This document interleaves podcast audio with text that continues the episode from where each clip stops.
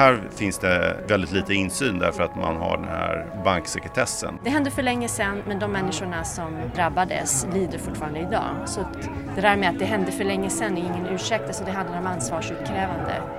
Vi konsumenter är otroligt viktiga utifrån de valen som vi gör. Här har det varit svårt att se hur de lever upp till sina löften. Men jag vet inte om de där undersökningarna är helt rättvisa. Vi pratar om grova kränkningar av mänskliga rättigheter och jag kan inte se att hög avkastning skulle ursäkta dåliga investeringar och kränkningar av mänskliga rättigheter. Brott mot mänskligheten finansieras av vanliga svenska aktieägare, fondinnehavare och pensionssparare. De fyra bankjättarna, Swedbank, Nordea, Handelsbanken och SEB, drar in miljardvinster. Men när det gäller hållbarhet och mänskliga rättigheter finns stora brister. Detta visar en granskning av det Sida-finansierade nätverket Fair Finance Guide. Vi har Kathleen McCoy, sakkunnig på Amnesty, berätta om Lundin Oil som fått kritik för förberedelser för oljeexploatering i Sudan och samverkan med den folkmordsanklagade regimen. Bland de tio största ägarna till Lundin Oil finner vi några av Sveriges största banker. Lundin hade verksamhet i det som idag är Sydsudan i slutet på 90-talet. Det pågick en konflikt i landet och det blev väldigt tydligt bara några år, alltså 99 ungefär, kom de första rapporterna om att oljan bidrog till konflikterna. Alltså att oljan i sig blev en strategisk del i, i konflikten. Och det som hände i, i, i, Sydsudan var väldigt grova kränkningar av mänskliga rättigheter.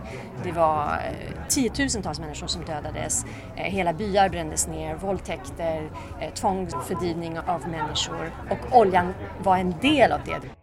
Vi vet inte om Lundin bara blundade för det som hände eller om de var medvetna om det. Men att deras närvaro bidrog negativt till, till mänskliga rättigheter är, är ganska fastställd. Det är både Amnesty och Human Rights Watch och FN som har rapporterat om det. Jakob König är projektledare på Fair Finance Guide som arbetar med att kartlägga bankernas hållbarhetsarbete och synliggöra problemen och därmed förenkla valet av bank för kunderna. Finansbranschen är inte transparent, vilket gör att bankerna arbetar i det dolda. Något som gör det svårt för kunderna att få information, säger han. Här så framförallt är liksom insynsproblemet stort. Att det är svårt att se hur bankerna lever upp till de löften som de har i sina riktlinjer. För det är oftast det som, som kunder och allmänheten ser att man ska investera och finansiera miljövänliga företag och företag som respekterar internationella konventioner och normer och mänskliga rättigheter och sådär. Men sen när man tittar på hur de faktiskt investerar så hittar man väldigt mycket företag och investeringar som, som bryter väldigt grovt mot de här äh, riktlinjerna.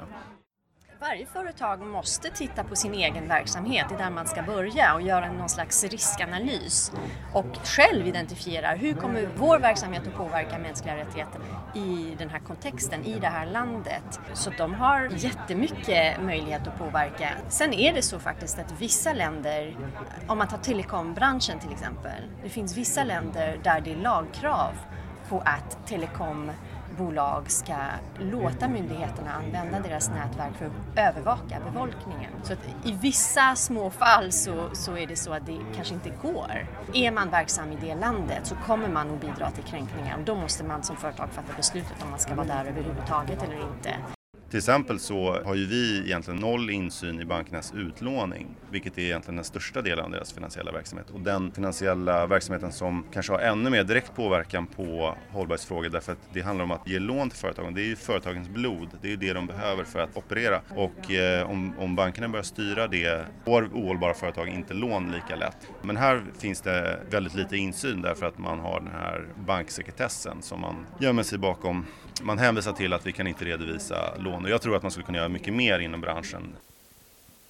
Vi frågar Magdalena Kettis, som jobbar med hållbara finanser på Nordea, om hur de jobbar med transparens i praktiken. Magdalena kommenterar Nordeas låga rankning i Fair Finance Guide där man jämfört svenska banker gällande den hänsyn de tar till miljö, mänskliga rättigheter och hållbarhet när bankerna investerar och lånar ut pengar. De har ju sina speciella frågor eh, och de utgår från den informationen som de hittar. Eh, och sen får ju vi naturligtvis något tillfälle att ge en kommentar på det som de tagit fram. Men jag vet inte om de där undersökningarna är helt rättvisa, de inte fångar upp allting som vi gör. Och Jag tror att det ibland kan bli lite snedställt. Jag vet ju själv, jag gör ju också sådana här typer av undersökningar. Resultaten får man ta med en nypa salt investerar ju tusentals bolag. Och, och alltså vi har ju ett stort team som jobbar med den här typen av frågor när de analyserar. Eh, det som vi kallar för ESG-analys bland annat då, som är eh, miljö och socialt ansvar och sen också styr, alltså bolagsstyrning. Och vissa av de här frågorna fokuserar vi på och vissa frågor kanske vi fokuserar mindre på. Men det är inte alltid vi går ut publikt med all den research och allt det fokus som vi gör. Så det är därför jag säger att det blir lite missvisande. Eh, de här undersökningarna. De, de, de är bra, alltså det, det, finns ju ett syfte med dem och det är ju för att hjälpa konsumenter. Eh, men de kan inte fånga upp allting som en bank gör i form av analys och research. Eh, allting vill inte vi heller gå ut med. Vi hör Jakob König. Det man har att gå på det är ju i princip självdeklarationer, alltså att de själva redovisar att så här jobbar vi och så här bra är vi. Det är svårt för oss som utstående och framför allt för spararna att veta vilken information de kan lita på. Det saknas den här viktiga oberoende granskningen och märkningar och sånt som kan vägleda dem och veta att okej, okay, det här är information jag kan lita på, det här är en schysst hållbar produkt. Vi ger ju ut en sån här årlig rapport av det arbete vi gör varje år. Och vi är ute och pratar väldigt mycket om vad vi gör, hur vi investerar och eh, hur vi har för approach när det gäller just eh, hållbarhet och vilka teman vi använder och, och tittar på särskilt och hur det här själva ESG-arbetet är integrerat i själva investeringsprocesserna. Bankerna visade flera förbättringar av hållbarhetsarbetet under 2016 det visar årets granskning av deras riktlinjer som genomförts av Fair Finance Guide. Men räcker det med konsumenttryck? Eller behöver vi se en mer reglerad finanssektor?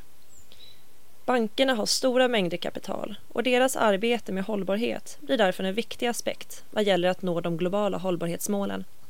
Lena Ingelstam, avdelningschef för partnerskap och innovation på Sida, påpekar vikten av detta.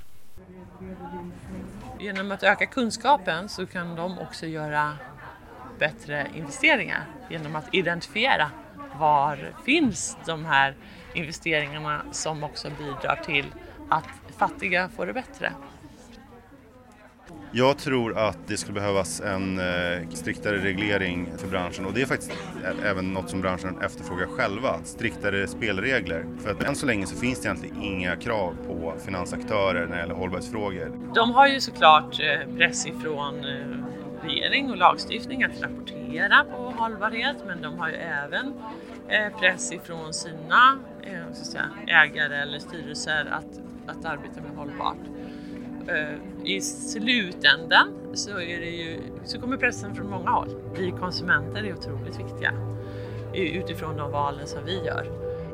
Jag tror fortfarande att en viktig del är att, att, öka konsumenttrycket därför att vi har en ganska tacksam situation på det sättet att det finns ett väldigt uttalat stort intresse hos spararna för hållbarhetsfrågor. Att de vill att deras pengar placeras på ett hållbart, ansvarsfullt sätt. Hur ser då framtiden ut? Kommer bankerna börja ta större ansvar för deras investeringar? Ja, tror Lena Ingelstam. Ägarna av företag, det är de som äger, de som gör investeringarna, som kan trycka på så att det blir hållbart. De har ju en enorm makt i att de har kapitalet. Det är ju våra, eh, du och jag och alla andras pensionspengar. Och vi är ju såklart som svenska medborgare intresserade av att de pensionspengarna, de kan ju göra nytta. Du har lyssnat på en podcast av Hanna Ölund, Louise Moberg och Therese Davrin för biståndsdebatten.se.